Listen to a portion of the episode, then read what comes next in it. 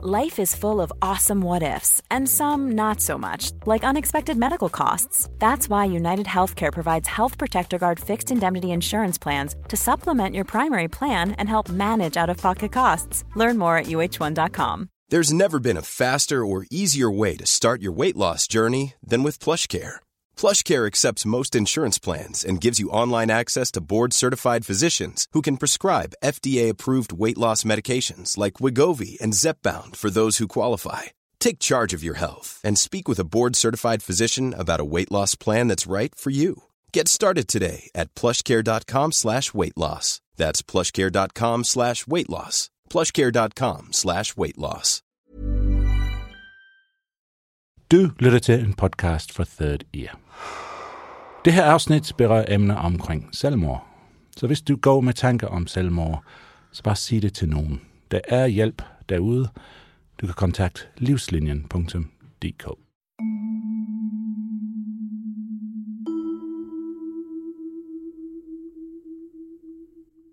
Velkommen til afsnit 7 i serien Synidmanden. Det er en ny dag her på Third Ear. Godmorgen, Christa. Godmorgen, Tim. Christa er kørt en omvej på cyklen på vej på arbejde i dag. Hvor er du hen? Jeg er inde i pavillonen, altså i Søndermarken, den kinesiske pavillon. Øh, Jeg er lige kørt forbi her på vej ind på arbejde i dag. Når Christa har en plan. Hans plan er at prøve at kortlægge hele København for spioner. Min plan er, at jeg vil køre rundt og besøge en hel række steder, der har med spionage at gøre, altså hvor der har været spioner. Det er tid til at prøve at se, om vi kan bygge videre på teorien om, at Günther Weinig, synidmanden, var spion. Og jeg vil bare gerne lige illustrere, hvor meget der egentlig har foregået inden for nogle ganske få kilometer af den kinesiske pavillon her. Sidste gang hørte vi fra koldkrigseksperten Per Henrik Hansen, som fortalte os, at det mere eller mindre vrimlede med spioner fra både øst og vest i København på det her tidspunkt.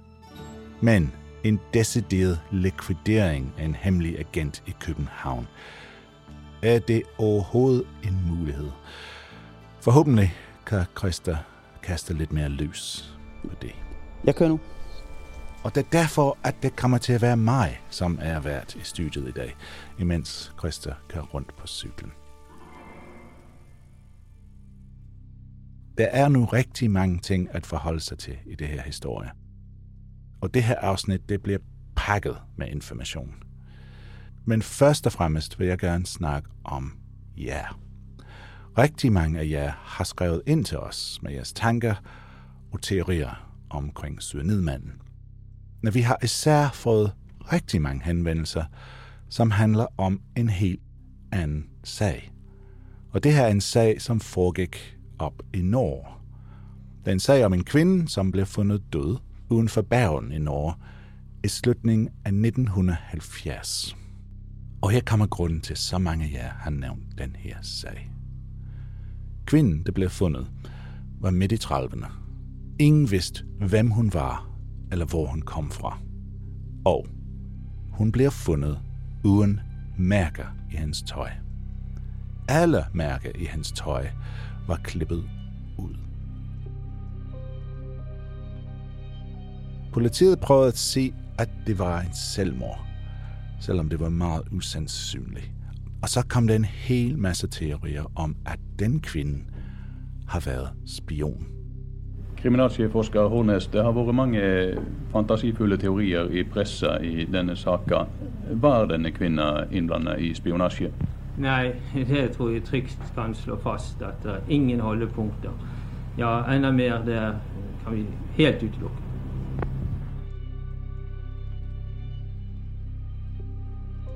Senere skal vi høre fra en norsk journalist, som kender alt til den sag, og om den kvinde, som blev kaldt Isdales kvinden. Men inden vi når så langt, skal vi høre fra 30 Years Anna Taulow. Anna arbejder konstant bag scenen her på 30 med at tjekke op på facts og detaljer i sagen. Jeg har kigget på sådan lytterhenvendelser. Der har jeg især talt med to kvinder. Den ene, det er en hundelufter, Jeg hedder Jonna Nielsen. som var en del af sådan en decideret hundeluftergruppe i Søndermarken her omkring 73. Kan du huske den sag? Kan du huske sagen om den døde mand i Søndermarken? Ja, ja. Det kan jeg sagtens huske. Så sagtens, og efterfølgende var der nogle år efter, hvor alle hundene, de reagerede på noget. Og så sådan lidt med latter i stemmen, så sagde vi, nå, der ligger måske et lig igen. Jonna husker noget, som måske forklarer, hvorfor de eneste vidner i sagen her er hundelufter, som var i Søndermarken på alle tider af døgnet. Så gik vi, når den første sne faldt. Så ville vi være de første, der satte fodspor i sneen. Og så var det ligegyldigt, om det var nat eller dag. Så, så mødtes vi derop med vores hunde og gik en tur, fordi så kunne vi se, at vi var de første, der havde sat fodspor i sneen. Søndermarken var lidt anderledes dengang. Jonna husker, at det skete lidt af hvert der i parken om natten. Der skete meget i den Søndermark, kan jeg fortælle dig. ja, det, det gjorde der lidt af hver. Så det, det, kunne, det, det var også et yndet sted for blotter, skal jeg fortælle. Jonna kan også huske hende, der fandt livet. Eller rettere sagt, hun kan huske hendes hunde. det, der var det specielle deroppe, det var, at det var jo alle typer mennesker, og vi kendte jo kun hinanden ved hundenavne. Altså, det var Bingos mor og sådan noget, ikke? Altså, men øh, hende med de to bokser med pelsen, der fandt ham, det er hun er sikker på, at de hed Bumpybeat og Tiger Twin. Bombay Beat og Tiger Twin. Det er de navne, der står i politirapporten også. Og ejeren, han med pelsen, hed Bender. Der er nogen, der har skrevet ind og undrer sig over, hvad det blev af hende, efter hun fandt livet. Jeg har prøvet at opsøge Bente og finde ud af, om Bente lever, og jeg har så fundet ud af, at hun er, at hun er død. Altså hun døde i 2001, øh, så det var mange år siden. Øhm, Så har jeg prøvet at ringe til forskellige familiemedlemmer, fordi hun kommer af sådan en ret stor slægt. Men, men det virker som om, at, at hende der Bente ikke har sagt til en eneste sjæl, at hun har fundet en død mand. Nej, hun har åbenbart været måske en meget privat person. Hun har i hvert fald ikke haft lyst til at, ligesom at dele det med nogen, hun kendte.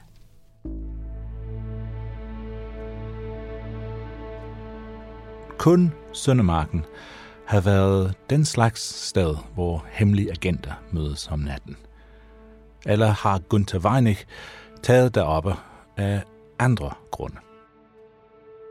Anna kommer tilbage med en anden lytterhenvendelse lige om lidt, men Christer er nu nået til sit første stop på hans spionrute. Det ligger kun et par minutter på cykel fra Søndermarken, og det er et sted, som vi har overvejet kun have en forbindelse til vores sag. Hej Tim. Hej Christa, hvor er du nu hen? Frederiksberg Badmintonklub er jeg ved. Okay, og hvorfor er du ved et badmintonklub på Frederiksberg?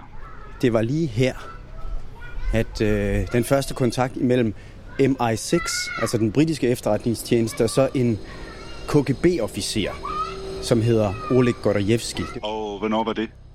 Det var lige i slutningen af 1972, starten af 1973.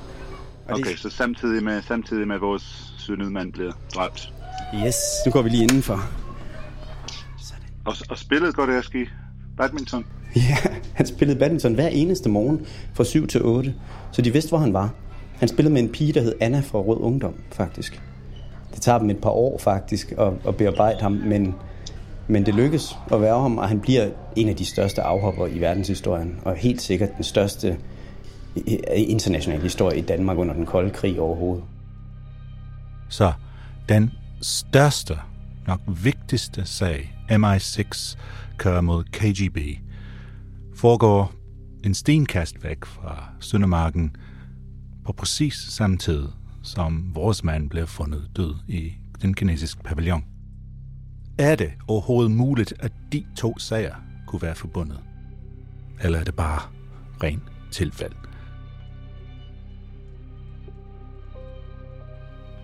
Det er et spørgsmål, jeg vil ønske, at vi kunne svare på her og nu. Sagen om britisk MI6 og Oleg Gordievsky fra KGB er i sig selv en utrolig spændende spionsag. Men den historie må vente til en anden gang, fordi Koster har flere steder at besøge og flere teorier. Andre mulige forbindelser til vores sag. Så imens han cykler afsted, skal vi høre fra Anna igen. Den næste henvendelse, Anna har fulgt op på, er fra en ekspert i tøj. Så har jeg talt med en kvinde, som hedder Christine Holm Jensen. Jeg hedder Christine Holm Jensen, og jeg er ansat på Museum Midtjylland som direktør. Og så har jeg tidligere beskæftiget mig rigtig meget med tekstilindustrien sådan efter 2. verdenskrig. Så det er jo sådan i, i koldkrigsperioden, den måde, man har produceret tøj på, og den måde, man har brandet og markedsført sit tøj på. Sønedmanden blev fundet med mærkerne skåret ud af tøjet, og et tøjmærke blev fundet ved siden af, hvor han lå. Jamen, altså det der jo er, er super interessant for mig med hele den periode efter 2. verdenskrig, der handler det jo netop om at, at begynde at brande sine produkter, som man ved, hvor de kommer fra.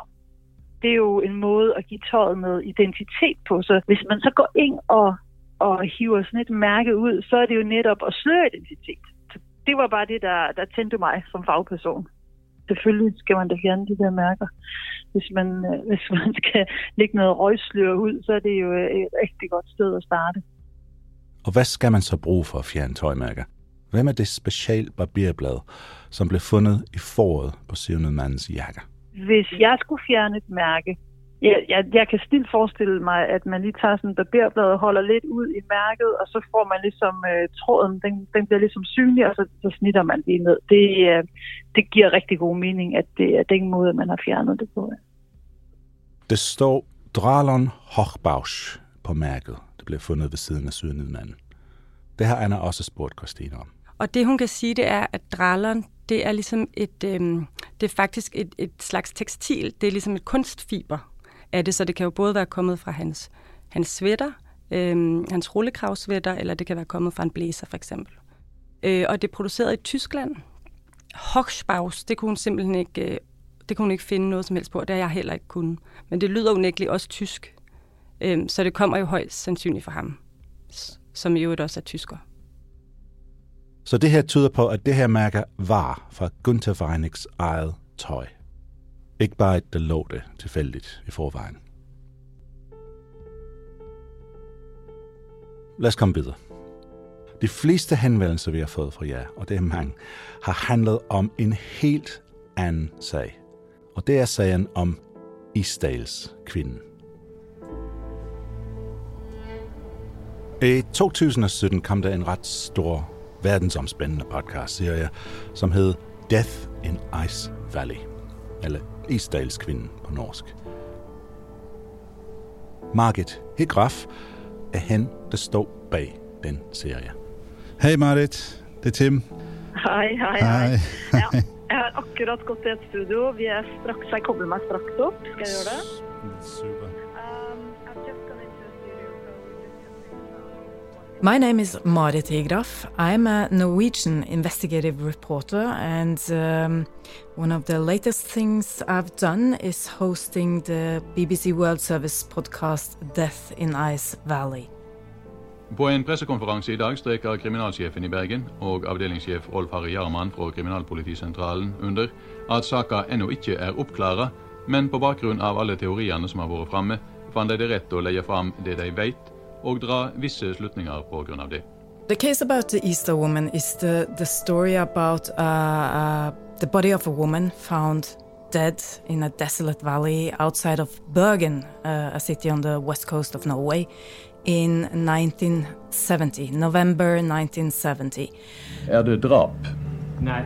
Eh, vel, saken er jo ikke ferdig, men fra første stund så har man gått ut fra at det ikke forelå det. Fra første stund på åstedet vi må jo si om ikke de endelige resultater foreligger fra Rettstoksikologisk institutt, så er det etter det vi vet, intet som oss grunn til å anta eh. The body was badly burnt, and uh, the police uh, they started out a, a, quite big murder investigation, but it, it quickly turned out that that they had quite um, case to solve because uh, all the or most of the labels of her um, belongings and clothes were removed or scratched off. And they, they didn't manage to find any trace of an identity. Hva land har hun kommet fra? Vel, eh, det er vanskelig å si. Eh, Det vi nå arbeider med, eh, det er at hun muligens kan være kommet fra Frankrike. En ukendt person, uden ID og uden mærker i tøjet. Fundet på et mærkeligt sted, og ingen ved, hvem hun er eller hvor hun kommer fra. Lyder det bekendt? Ja, det synes jeg også. Hvem var Isdals kvinden? Hvorfor døde hun? Og hvor lavede hun der? She was, this woman was, I said, I don't want to spoil too much, but she was seen by several employees in hotels and so where she stayed. She was in Norway at least two times and she traveled around in a certain pattern. And that also makes it a bit suspicious. And she was seen with, with men, with different men, meeting men, and certainly not in a, an, a romantic setting. So there are too much pointing to that she definitely had some kind of task, some kind of mission that she was doing. Der er helt bestemt rigtig mange ligheder med de to sager her. Men der er også forskel mellem Isdals kvinde og vores. Nummer et er, at i Norge bliver det her til en stor sag. Politiet og pressen griber fat i sagen fra start af. Og det betyder, at det kommer en del vidner frem, og at det findes en del bevismaterialer. Det kommer også frem, at hun har haft mange forskellige pas med mange forskellige falske identiteter. De fandt også en kodebog, en lille bog med koder skrevet ind i, som ingen kunne knække. Så det er faktisk en hel del spor at følge op på. Spor, som vores sag mangler selvfølgelig, fordi vores sag bliver så hurtigt henlagt politiet og næsten ignoreret af pressen. I Norge var der lige fra begyndelsen af opklaring rigtig mange teorier. Mest af alt teorier om, at kvinden fra Isdalen var spion. Kriminalsjefforsker Hornes, det har vært mange fantasifulle teorier i pressa i denne saka. Var denne kvinna innblandet i spionasje?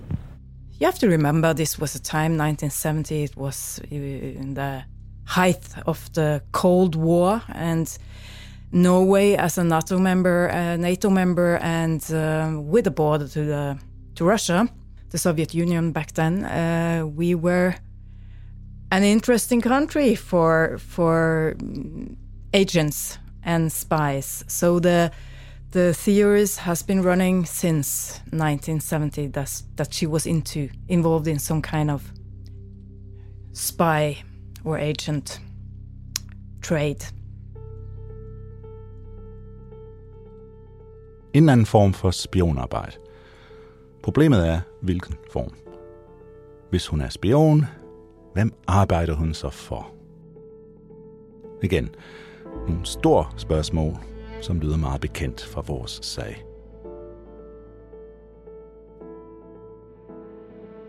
Vi skal høre meget mere fra Market, men lige nu er Christa ankommet til næste post på hans turné på sporet af spioner i København.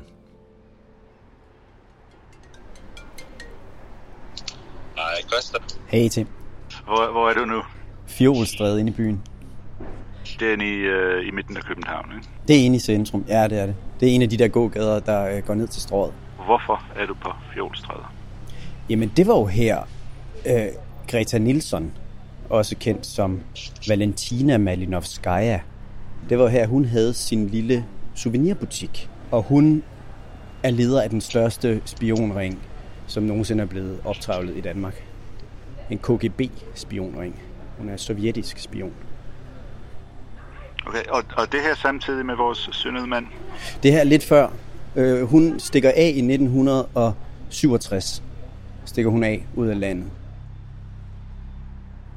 Men de finder en liste, hvor der er 15-20 kode, altså hemmelige agentnavne på agenter, som opererer i København. Men der bliver aldrig taget en eneste af dem. Så de er her nok endnu, efter at Valentina Greta Nielsen, hun forsvinder. En KGB spioncentral i en lille souvenirbutik på Fjolstræder og et helt netværk af KGB-spioner i København, som ingen ved, hvem er. Folk, som sandsynligvis vil gøre hvad som helst for at beskytte deres identiteter. Kunne det være derfor, at Gunther blev dræbt? Fordi han vidste noget om en af dem. Mogens Lensdal fra Copenhagen Shipping Times mente, at Gunther var en KGB-agent, som blev dræbt af sin egne. Måske, siger Lensdal, fordi Gunther var dobbeltagent. Men ingen ved, hvor har sin teori fra. It's difficult to get access to files, even though you know there are files. I mean, uh, we have had troubles getting into the police files here in Norway um, for the Easter woman, and we definitely don't get into the intelligence, the Norwegian Intelligence Service archive. But I'm, qu- I'm quite sure they have a file on on our woman, but we can't get access to it. Så hvad kan vi gøre? Hvad kan vi finde ud af? We have been trying to look uh, into possible angles, and one of the uh, definitely interesting organizations for us has been Mossad, the Israeli uh, intelligence agency. Hej Christer. Hej Tim. Hvor er du hen? Jeg er på Islands Brygge. Lige her ved Langebro, der lå et sted, der hedder Café Liberation. Og Café Liberation, det var Blekingadebanden faktisk, der startede det. Altså som sådan en venstreorienteret café, hvor man øh, kunne komme og snakke om Karl Marx, og jeg ved snart ikke hvad. Som... Og, og, og hvornår, hvornår er det her? Undskyld, hvornår skal jeg... Jamen, altså Café Liberation er fra slutningen af 70'erne, men Blekingadebanden, øh, de er jo i gang fra starten af 70'erne. Så igen samtidig med vores synede mand. Ja, og ved du hvad vi ved? Vi ved jo i dag, at Mossad er involveret og hjælper PET med at overvåge Blikkengadebanden. Så de er her også i byen. Mossad, den israelske efterretningstjeneste. De var her også i 1973. Dengang overvågede de den danske venstreorienterede terrorgruppe Blekingadebanden. Og here's the thing.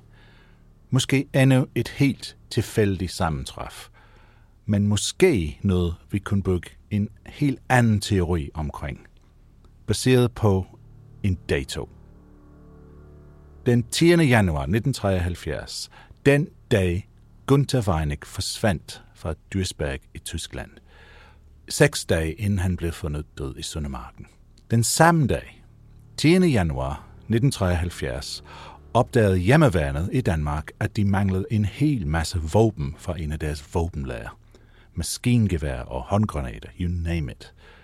Senere fandt man ud af, at det var Blekingadebanden, som havde stjålet disse våben og brugt dem i deres bankrøverier. Politiet er fortsat uden afgørende spor i opklaringen af det hidtil største og voldsomste røveri herhjemme, selvom der er kommet mange henvendelser i sagen. De røde banker for at støtte terrorgrupper i Palæstina. Og det er præcis det, som Mossad er sat i verden for at bekæmpe. Igen. Kun det har været noget, som Gunther har været involveret i på en eller anden måde.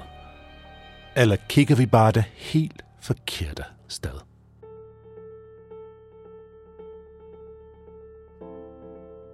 Uh, but we've also been looking into the Stasi files in Germany. Hvor er du nu hen? Nu er jeg på Istegade. Hvorfor er du der? Jeg har en liste, som jeg har taget med her. Og det er en, en virkelig sær liste af altså Stasi-agenters øh, favorithoteller i København. Og der kan jeg se faktisk det hotel, hvor, hvor Günther han boede den sidste nat, hvor man ved, hvor han sov hen. Det er Hotel Zelandia her på Helgolandsgade. Hotel Zelandia var nummer 5 på den liste af populære Stasi-hoteller i København. Og fire ud af fem på top 5-listen af Stasi-hoteller ligger lige her omkring. Jeg har jo også hele tiden gået med den her teori, der hedder, kunne Günther have noget med menneskesmugling at gøre? Fordi er der noget, der gør dig upopulær hos Stasi, så er det at hjælpe med at smule mennesker ud af Østtyskland. Det kan man dø af.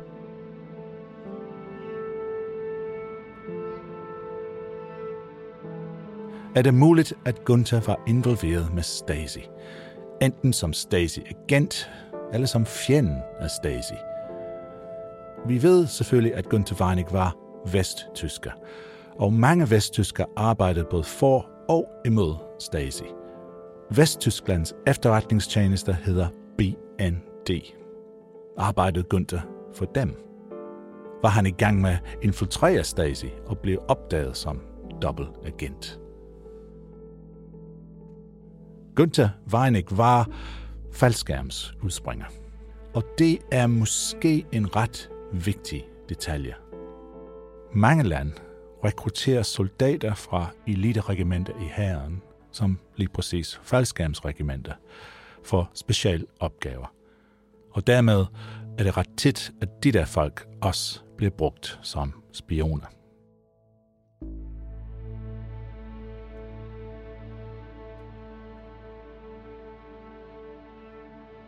Der er en sidste spionorganisation, vi skal kigge på i dag.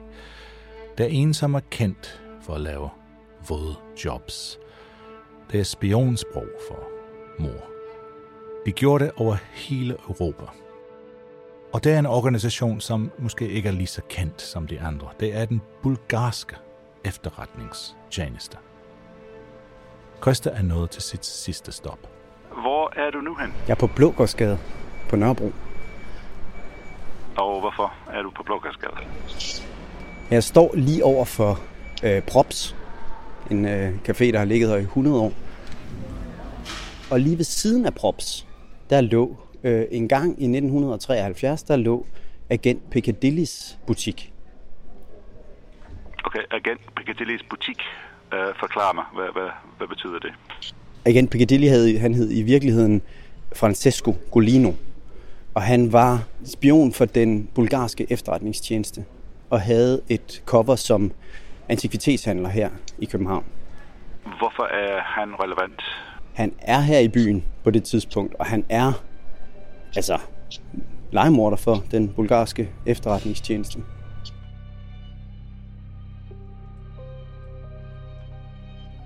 Blev Gunther likvideret af en hitman fra den bulgarske efterretningstjeneste? Det er en ret vild teori, selvfølgelig.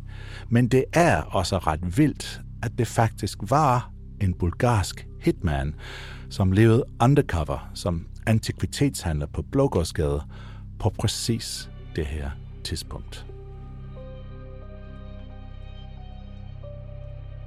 Indtil videre har vi kun teorier, muligheder og en hel masse hemmelige organisationer at vælge imellem. Do you lean in any direction? Do you lean towards she was a spy or that she was not a spy? Do you lean one way or the other? Well, here comes another boring answer for me. I always, when I'm asked this question, I always say, well, I. I don't believe I work with, with facts. I'm a journalist. So, uh, but of course, I'm a human being too, and I've I've been working this case for for several years, and it's it's really gone under my skin. So, of course, I have my thoughts and theories as well, although I try to keep neutral.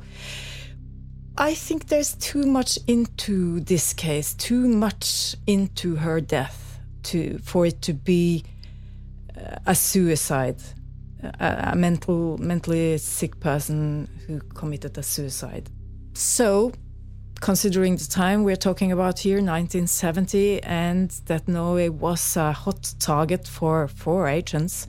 So I, I tend to believe that she was working for some kind of intelligence service, yes.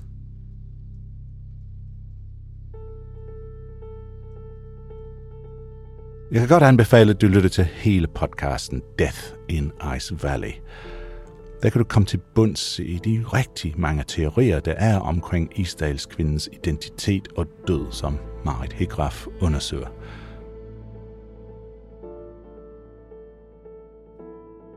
Vi har lige tid til en sidste lyttehenvendelse. Og det er en meget relevant en af slagsen, og det kom fra Dan Bjergård. Dan, øh, altså du skrev til mig øh, for et par dage siden, Dan er tidligere politibetjent, og nu er han journalist. Han er redaktør på BT's kriminalredaktion, og du kender muligvis hans stemme fra Politiradio, fra Radio 24 og fra podcasten Bandeland. Og du skrev, at du havde været ned i det samme rabbit hole, som, som jeg har... Øh, ja, som jeg har været i de sidste mange måneder, faktisk. Det viser sig, at Dan faktisk kender til sagen om Sydnedmanden. Og det var derfor, han skrev til os. Præcis det samme. For, for fem år siden har jeg jo siddet på Rigsarkivet, ligesom dig, og gennemlæst denne her sag, og været ja, lige så forundret over omfanget af den, og formentlig de samme detaljer, som du lige nu bryder dit hoved med. Dan har også tænkt tanken om, at den her sag kun har med spioner at gøre, dengang han sad med den. Og så kendte han en, som han troede kunne hjælpe ham. Jeg fandt faktisk en pensioneret petmand, som man vel nok vil kalde dengang var centralt placeret i PT, altså politiets efterretningstjeneste. Jeg fremlagde øh, sagen for ham. Der var en meget åben, og øh, han var meget interesseret i sagen. Især han, han hæftede så meget ved det her med, at han også var faldskærmsudspringer og sagde sådan, det var ikke almindeligt at være dengang, og så kunne man godt have haft noget, øh, været i noget efterretningstjeneste, fordi øh, det var ikke alderen værd, der var det dengang. Og sagde jo også, fortalt om den her tid, at, at det var jo en tid, hvor der foregik mange ting. Og vi kom faktisk så langt, så at jeg talte med ham om, at øh, så skulle han være med til at sidde og gennemgå den her sag, og vi skulle finde ud af, sådan, hvad der var op og ned i den, og hvad der pegede i den ene retning, og øh, hvad der måske talte imod, at det her spionspor var, øh, var en mulig forklaring på, på dødsfaldet. Ud fra hans beskrivelse og tolkning af de ting, jeg oplyste ham, så, så lød det på ham som om, at det nærmest var en, ikke en selvfølge, men det var overvejende sandsynligt, at det her det var en mand, der havde et helt særligt ærne i København.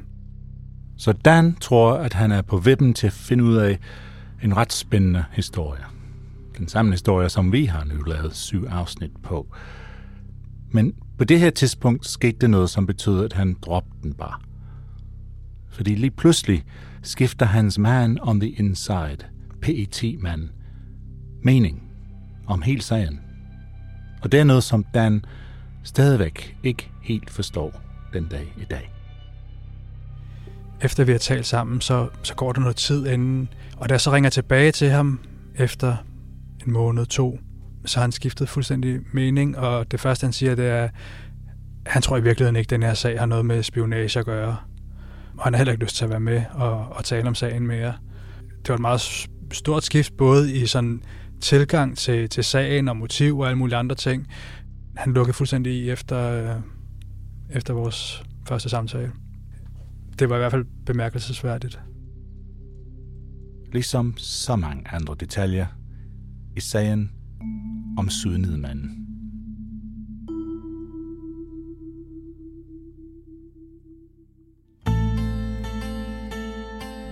Jeg ved godt, at der nu er rigtig mange bold kastet op i luften. Sindssygt mange ting at tænke over. Men næste gang bliver det sidste afsnit indtil videre. Og vi skal gøre alt, hvad vi kan for at finde det mest sandsynlige svar på mysteriet om Sydnedmanden. Bliv ved med at skrive ind til os med hvad som helst, du kommer i tanker om, eller bare med spørgsmål på adressen cm 30dk Tusind tak til Margit Hegraf. Du kan høre Death in Ice Valley, som er produceret af NRK og BBC World, der hvor du henter dine podcasts. 30 har faktisk lavet en masse andre podcasts om spioner.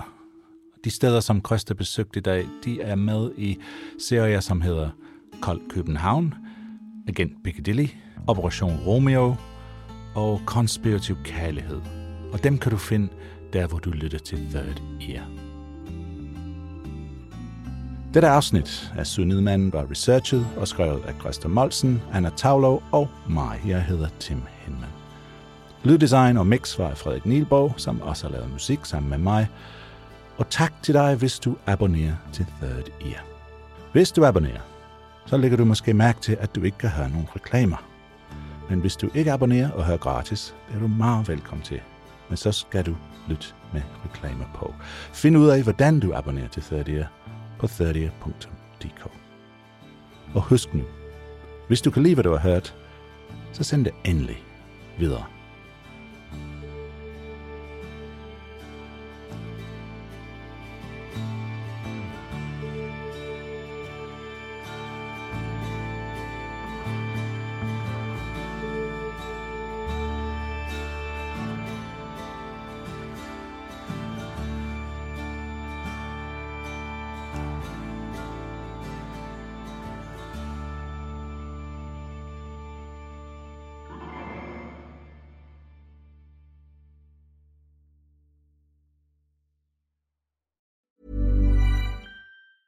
Planning for your next trip?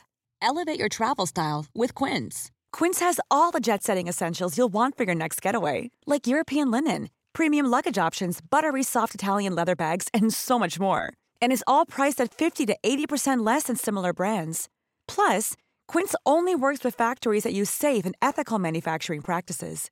Pack your bags with high-quality essentials you'll be wearing for vacations to come with Quince. Go to quince.com slash pack for free shipping and 365-day returns.